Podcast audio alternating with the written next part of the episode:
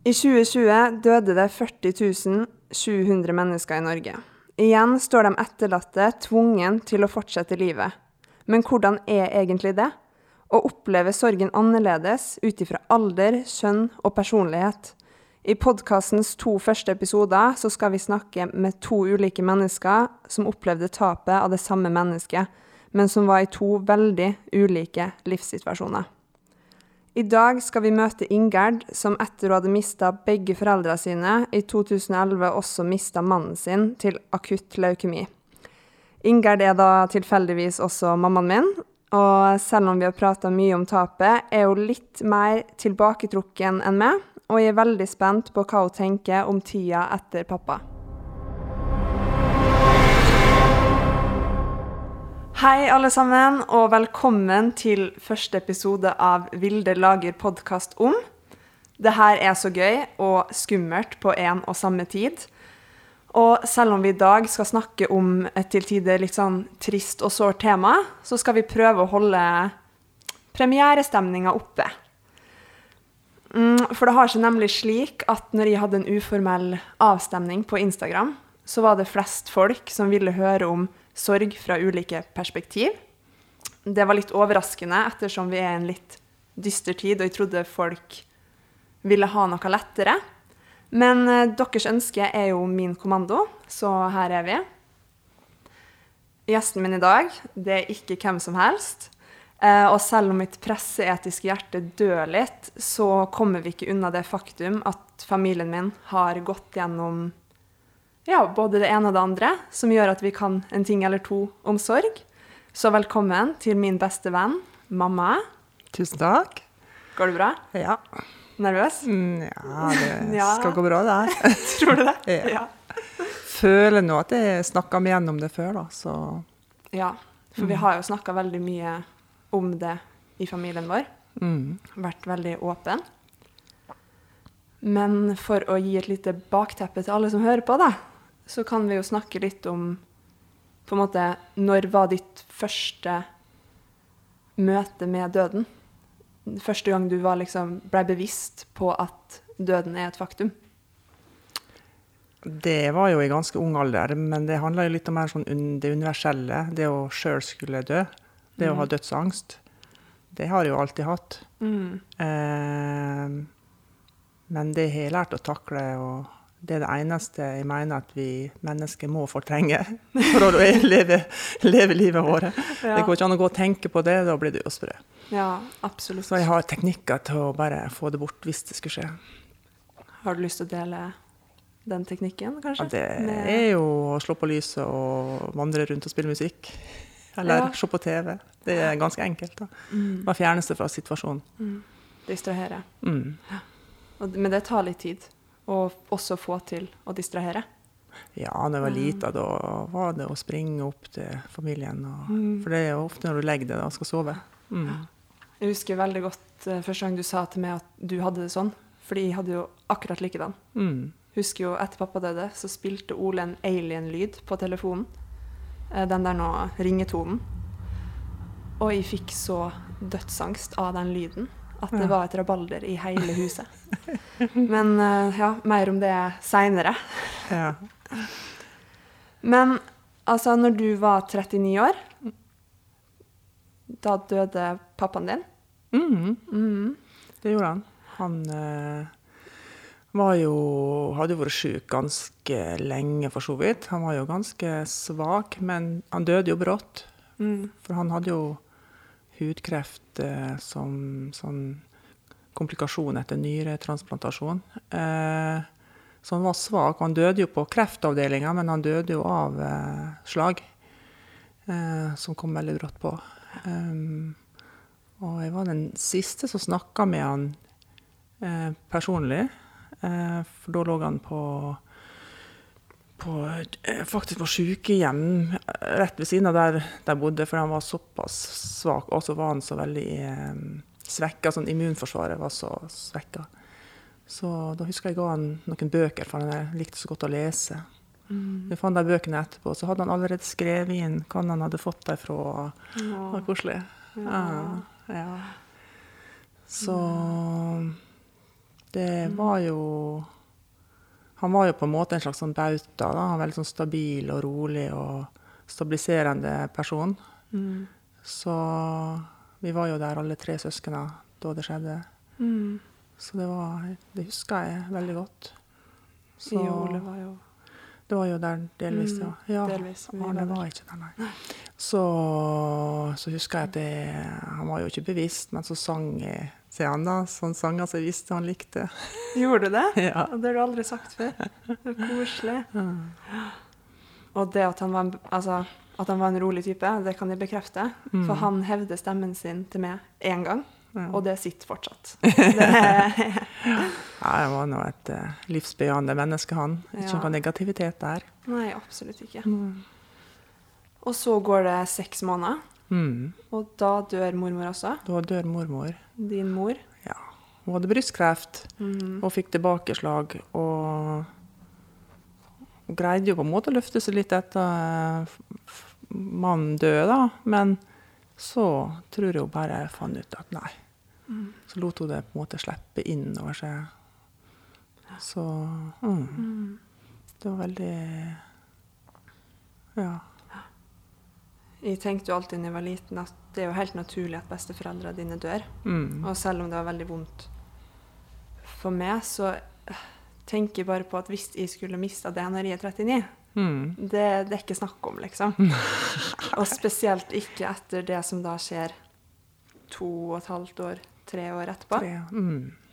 Fordi da dør papsen. Mm. Og det gikk jo også veldig, veldig brått. Det gikk veldig brått. Mhm. Han fikk jo leukemidiagnose på en fredag og ble frakta til St. Olavs på en lørdag. Og når vi var vei, på vei oppover på mandag, da ringer de og sier han har fått hjerneblødning. Og da opererer han på kvelden, og så dør han på tirsdag. Mm. Så det er jo veldig dramatisk. Mm. Mm. På fire år så er da halve kjernefamilien vår i Molde borte. Mm. Det var liksom vi seks da, som Mm. bodde i Molde. Mm. Um, dine brødre og pappa sine søsken bodde jo overalt ellers. Mm. Og bestemor og bestefar 14 timer unna i bil. Mm. Så vi var på en måte vant til at det var oss, da. Mm. Men så ble det ja, borte. Mm. Husker du noe av tida på sykehuset? Det husker jeg ganske godt. Eh, det Ikke sånn minutt for minutt akkurat, men det står jo ganske klart for meg Nå kom jo søskena til Tore, som han heter. Og vi var jo mange inne på rommet og til og fra.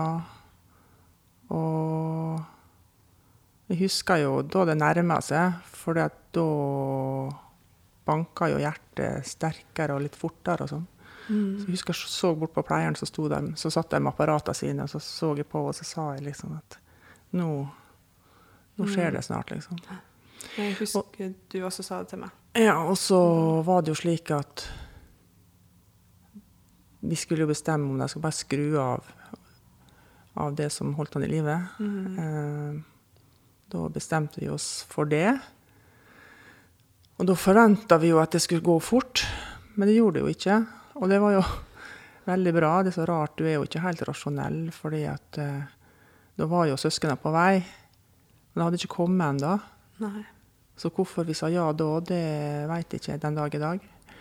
Eh, da ville ikke du være der, men jeg og Ole ville være der. Men så gikk det jo heldigvis seks timer, så alle fikk være der.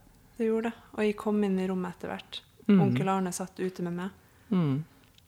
Men så Ja. Man Mm. vil jo være der. Til, altså, jeg ville ikke være der og skru det av, men man vil Nei. jo være, sitte der Ja. når sånne ting Eller når Mm. livet skal ta slutt, på en måte. Mm. Og det er jo mange som ikke har opplevd det, som kanskje syns det er utrolig skremmende, og Mm. spesielt å la barn få lov å oppleve det. Men for meg er det sånn eh, Det var ikke min tanke at ikke Og for min del så er det jo hvor en Jeg, var jo der med både foreldre og Tore. Eh, så det er jo en Syns jeg bare Det er jo ikke en god opplevelse, men jeg er veldig glad for at jeg gjorde det på den måten. at jeg tok det valget. Absolutt. Og det er veldig strengt tatt nesten anbefaler. Ja, ja, jo- fordi at det Jeg tror kanskje du, du sitter igjen med mindre som spørsmål på en måte òg, fordi du har fått fulgt helt ut. Mm. Og det er jo Jeg tror Ja, og så sitter man ikke igjen med eventuelt dårlig samvittighet og sånne ting, da. At du vet at du var der og satt og holdt dem i hånda, enten de visste Mm. det eller ikke. Mm. Og det er jo litt spesielt, men når pappa fikk den diagnosen på fredag, da visste de at pappa kom til å dø. Men det var jo bare for at alt tilsa i min verden. At Mm. når folk er syke, så dør de. Ja. Og jeg lagde jo han den, husker du den, scrapbooka, Mm. som vi ga til ham på sykehuset. Mm. Og jeg er bare så utrolig glad for at jeg gjorde det. Mm. Det var nesten, Selv om det er rart at en 13-åring er så negativ til livet, Ja, ja, ja. så er jeg jo glad for at de på en måte litt skjønte også hva som lå i korta. Sånn at de fikk laga dem til ham. ja, men jeg tenkte det samme. At det var jo en dyster diagnose. Mm. Det var jo ikke Men selvfølgelig folk rundt oss ringte leger og spurte, og ja det er liksom, Men jeg tenkte nei. Det tenkte jeg faktisk. Mm. Ehm, det er vel noe med at jeg er ikke så veldig naiv av meg, da. Så det er ikke vits å begynne å Det blir jo en slags, en slags fortrengelse, da. Men Mm. selvfølgelig for noen vil jo det være det som gjør at de greier å holde seg oppe Ja, og tro ja. at det går bra. Eh, så der er vi nå så forskjellige. Absolutt. Mm. Men hva altså året etterpå? Nå, nå er det viktig å presisere at det her er ti år siden. Mm. Så det er jo derfor vi sikkert kan sitte her i dag og prate om det også, uten å Mm. være to nervevrak. Ja, men vi er nå litt sånn pratere, da. Vi liker jo å prate om, Det, om, det vi. om det. det. Men Ja, året etterpå, det Hvis vi skal fortsette liksom rekke bare før jeg går videre, så jeg forteller mista jo på en måte et søskenbarn imellom der, og så mista jo liksom tre onkler sånn på Mm. rad rekke, da. Så liksom den siste begravelsen der, da var jeg litt sånn immun. Ja. For da hadde jeg arrangert eh, fire begravelser, og liksom, jeg er jo en veldig organisator, da, så jeg ordna ut med alt det som skal gjøre dette blir fint. Um, nei, åra etterpå det, Du spurte om jeg huska noe på sykehuset, men jeg husker veldig lite etterpå, første to månedene. Eh, Jeg husker jo at jeg husker begravelsen veldig godt, for den, den hadde jeg jo planlagt Fortell litt om den, da. Ja, nei, da, da var jeg handlekraftig. Det var altså eh, Det var en kjempefin begravelse, om jeg skal først si det sjøl, da. Du gjorde en bra jobb. Eh, og det var liksom nøye planlagt, og alt gikk sånn som det skulle, og det var akkurat eh, nok av alt på alle tidspunkt. Og, ja, så det var utrolig, utrolig Mm. fint med begravelse på den måten at du får Og det at folk er der. Og det, ja, Mm. jeg syns det er veldig, veldig fint. Mm. Og det er jo ett øyeblikk i den begravelsen som mange liksom beit seg merke i. Eh, vi kan jo bare si at jeg og du er jo ikke noe religiøse på Nei. noe som helst måte. Det er vel ikke noen i familien vår spesielt. Eh, men når vi sitter inne i den kirka der, og sangen du har dedikert til pappa, 'Come What May' fra Moulin Rouge, eh, skal synges, så setter du det ned ved siden av kista hans på den trappa, Mm. og så kommer det sånn sollys fra Mm. det kirkevinduet ned på det. Mm. Og det har vi på et bilde et eller annet sted. Vi veit ikke hvor. Men det var mange som var sånn Ja, Mm. kanskje det er papsen, liksom. Det, jeg tror ikke på det, men det var utrolig fint. Et eh, ja, Mm. sterkt øyeblikk. Mm. Men da står du der, da. 42 år gammel, med ei datter på 13 og en sønn på 11. Eh, altså uten foreldrene dine og mannen din, Mm. og skal fortsette livet. Mm. Hvordan fungerer det? Nei Jeg, hadde jo, jobba jo ikke da heller. Så jeg var jo Jeg hadde jo Innimellom der så har jeg nå måttet lagt ned liksom mitt hjertebarn, da. Butikken og interiørarkitektvirksomheten.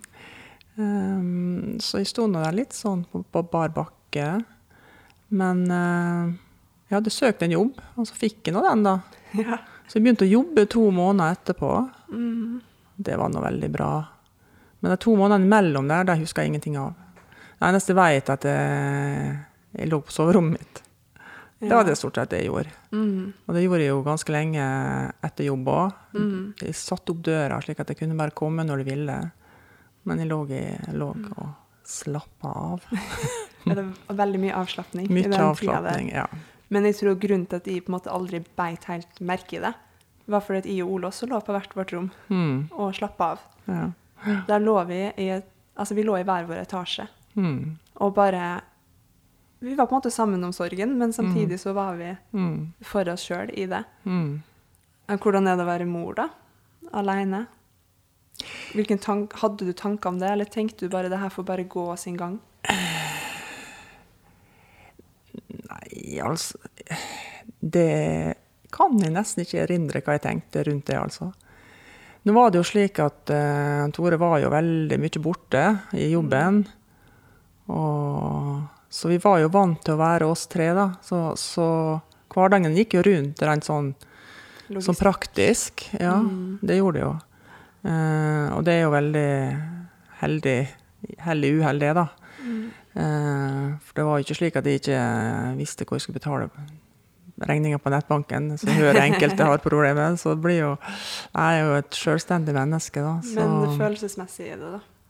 Hvis du skal ta bort logistikken, hvordan er det å miste pa partneren sin gjennom hvor mange år? 18. 18 år? Ja. Mm.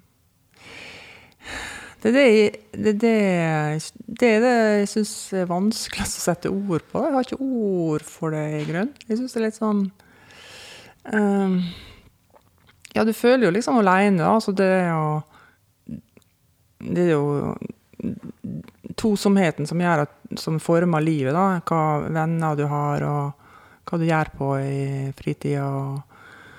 eh, grann. Og, det forsvinner jo litt etterpå.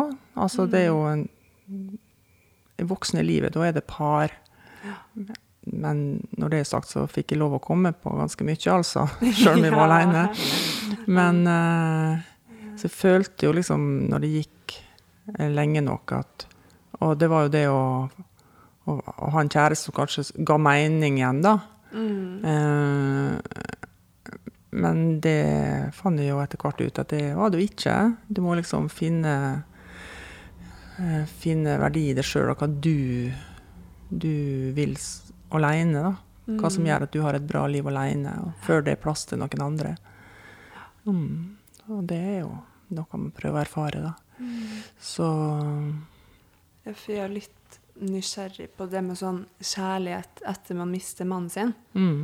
Um, vi skal ikke prate om eksene dine, men vi skal prate om Det er ikke så mange, altså. Nei, det hørtes så veldig mange ut! Det, det er det ikke, nei. Det, men um, jeg hørte på en annen podkast her en dag, og da snakka de så mye om Da var det to eh, damer som begge to hadde mista mannfolka sine, Mm. som snakka om det å begynne å date igjen, da. Mm. Og de følte jo på så utrolig mye skam, og de følte på at de ville gå med den gifteringen. Og, Mm.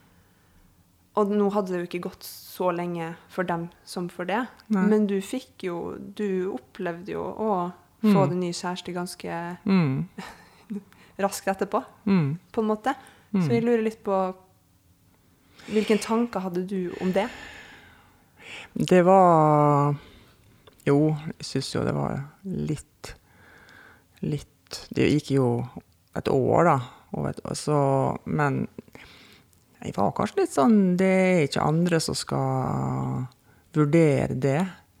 Det er det sjøl som veit når det kan være pa passelig. Mm. Når det gjelder ring, da, så kjøpte jeg en ring for å symbolisere han, i stedet for gifteringen. Mm. Mm. Så jeg gikk jo mye med den. Um, så jeg tenker at det Og iallfall hvis folk eh, uten å prøve møter noen, så må jo det være helt fint. Mm. Eh, Ja. det, det Du er jo helt uskyldig i det hele, Ja, ja. ikke sant? Mm. Det, det er jo ikke din feil at det har skjedd. Nei, absolutt ikke. Og jeg tenker jo at den som har dødd, vil jo tenke det samme. At det er jo ikke meninga at du skal gå og, og ha det elendig resten av tida. Nei, det syns jeg er fint. Mm. Det var Vi har bare ett liv. Ja. Det er jo mottoet, da. mm. Så mm. Men hvordan er det liksom Hvilke tanker hadde du om min og Oles sin sorg? Altså, det er, er det plass til din egen sorg når du har to barn, og du har ingen å lene deg på? Ja, jeg føl, altså, jeg følte at jeg tok den plassen. Ja. Fordi at eh, som barn så må du for, oppleve at eh, hvis ikke jeg hadde uttrykt eller eh, brukt tid bare på å slappe av, da, for å si sånn, og late som ingenting, så vil jo det tro at, at de voksne ja, de greier seg helt fint. Det der er eh, Og så fått en stor hangover når vi ble eldre. Ja, eksempel. Eh, eller at, du selv, at jeg fikk det, fordi at jeg ikke Ja. lot meg sjøl uh, bruke den tida jeg trengte. da. Mm. Så det Det er min oppdragermåte òg. Det er jo at eh, voksne barn på en måte blir behandla i hermetegn likt. da. Mm. Altså at det blir tatt seriøst som menneske. Og, og voksne skal bli tatt seriøst. De voksne har også et liv Mm. som skal være bra. Men i den sorgen her, og i ettertid, hva konkret har du på en måte gjort for deg sjøl for å håndtere sorgen? Er det noe spesifikt du har gjort utenom å bare ja, slappe av? Nei, mm, det er jo kanskje at jeg har gjort det jeg har hatt lyst til å gjøre. da. Mm. Som å flytte og Som å flytte og bare gjøre det jeg følte måtte til. For å Mm. få en forandring og for å få en, et slags ny start. da. Mm. Mm. Ikke dvele. Nei. Så Det er jo også en slags ny sjanse, da, på en måte. Altså, det er jo når du er i et, et parforhold over så lang tid, så det er jo klart Vi vi var jo ikke en slags symbiose. Nei. Noen er jo kanskje det, men, men det var jo ikke vi. Så, så når du står der, da, så er det sånn Å ja, men da kan jeg gjøre ting på min måte. Eller jeg kan ta de valgene som jeg aller helst vil. Jeg slipper å ta hensyn. Mm. Så det gir jo på en måte en slags mulighet til å, ja, til å flytte, da. Ja, ja. Som jeg ellers kanskje ikke hadde gjort. hadde vært aktuelt. Nei. Ja, det er rart det, hvordan livet bare Mm. plutselig blir helt annerledes Mm. enn det man trodde. Men det er litt spennende òg. Ja, Selv om man skulle vært foruten. Det, ja. Men apropos personligheter igjen. Ulike personligheter i sorg. Mm, vi er jo enige med Else Kåss Furuseth at man blir ikke sterkere av å gå gjennom noe sånt. Man blir jo bare mer herda. Mm. Det er, du finnes ikke sterkere. Altså, det er en bit av sjela di som dør litt hver gang. Mm. Men du blir jo selvfølgelig kanskje mer handlekraftig når det skal skje neste gang, og du veit at OK, det her Ja. er livet. Men spørs hva han legger i ordet 'sterk', da. Absolutt. Altså, det er jo han- Jeg tenker jo at han Det er jo en styrke å bli svakere, da.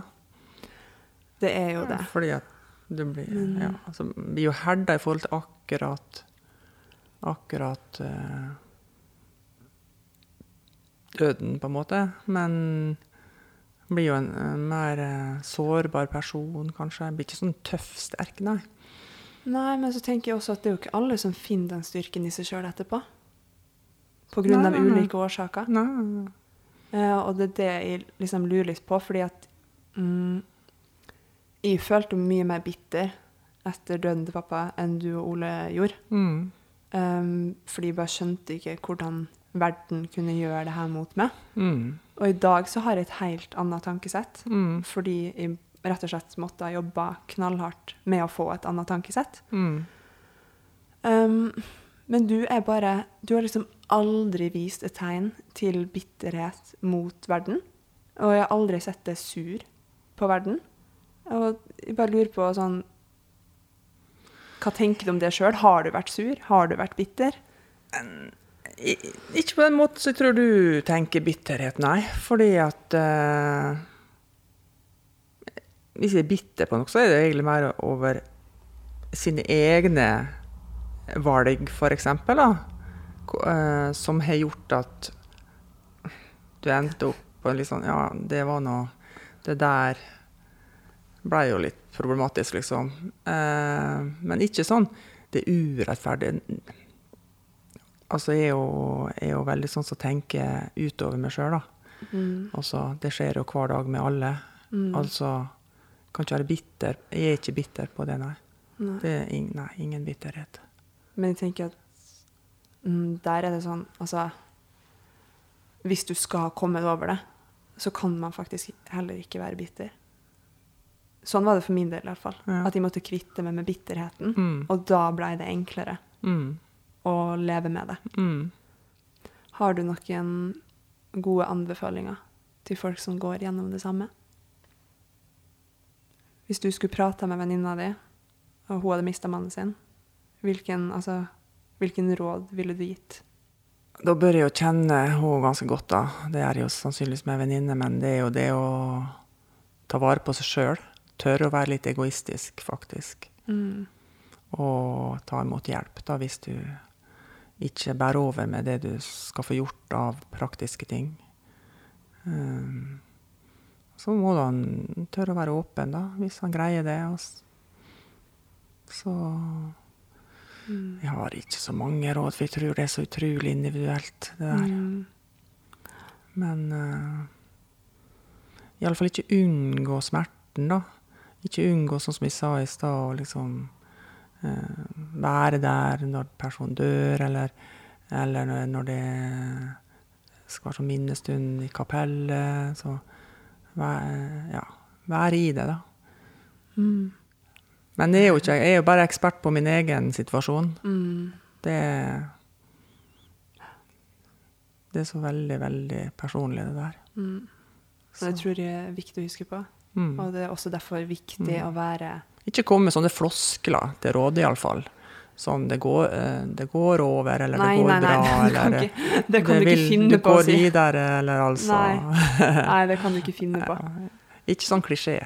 Nei, og spesielt ikke hvis du ikke har vært gjennom det samme sjøl. Mm. Men jeg sier egentlig ikke at det kommer til å gå bra til andre folk som er i samme situasjon heller.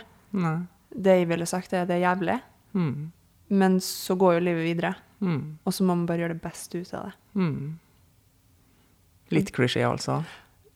Jo, men det er klisjé, men altså, du må bare legge press på at ja, det er jævlig. Mm. Sånn er det bare. Mm. Og det kan hende du Kanskje altså ett år, kanskje ti. Mm. Altså, det veit du ikke.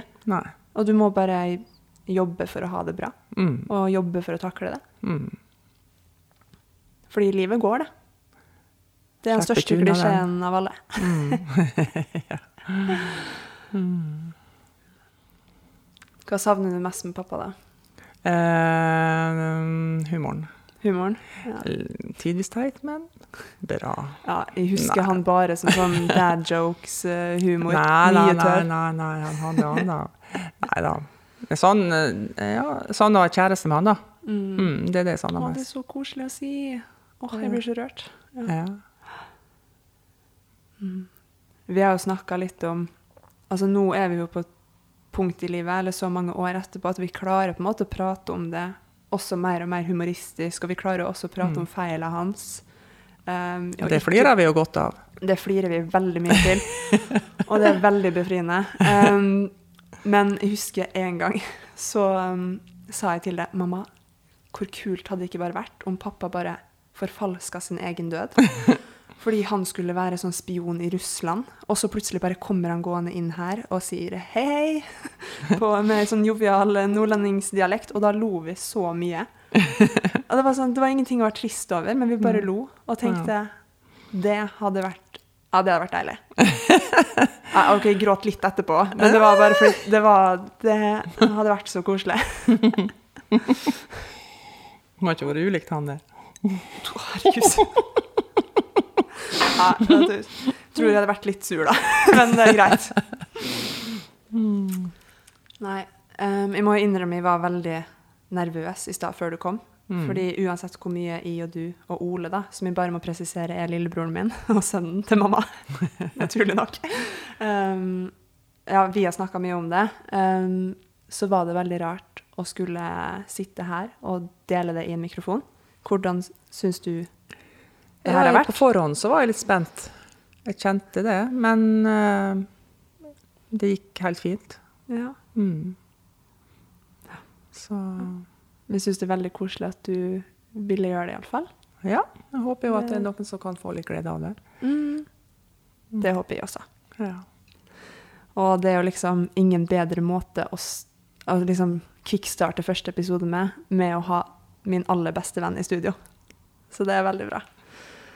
Da sier vi takk for i dag. Ja, tusen takk. Eh, hvis noen der ute har et tema dere vil jeg skal ta opp, så må dere sende meg en DM på Instagram. Der heter jeg Vilde Hoknes, og jeg tar fortsatt imot frierbrev der. Ha det bra. Dette er en podkast av Vilde Høknes, produsert av Stian Olsen i Medium Morals Production. Coverbildet er laga av Solveig Synnes. Og vi håper dere finner podkasten overalt. Vi snakes!